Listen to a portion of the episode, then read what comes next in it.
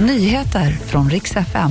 Trump överlägsen i mätningarna när primärvalen i USA inleds idag och originalmanus från legendarisk tv-serie såld för rekordsumma. Morgon. Vi ska börja med busvädret som har återvänt till delar av landet. SMHI har en gul varning för snöfall i delar av södra och mellersta Sverige. Som mest kan det komma upp mot 15 centimeter snö lokalt, säger man.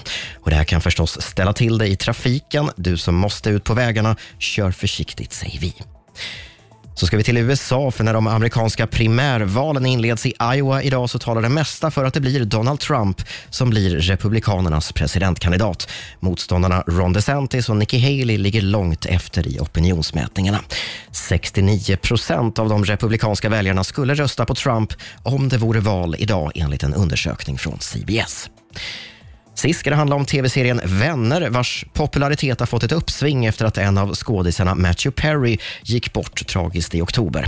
Nu rapporterar BBC om ett originalmanus från serien som hittats i en papperskorg men som nu har sålts för en rekordsumma på auktion.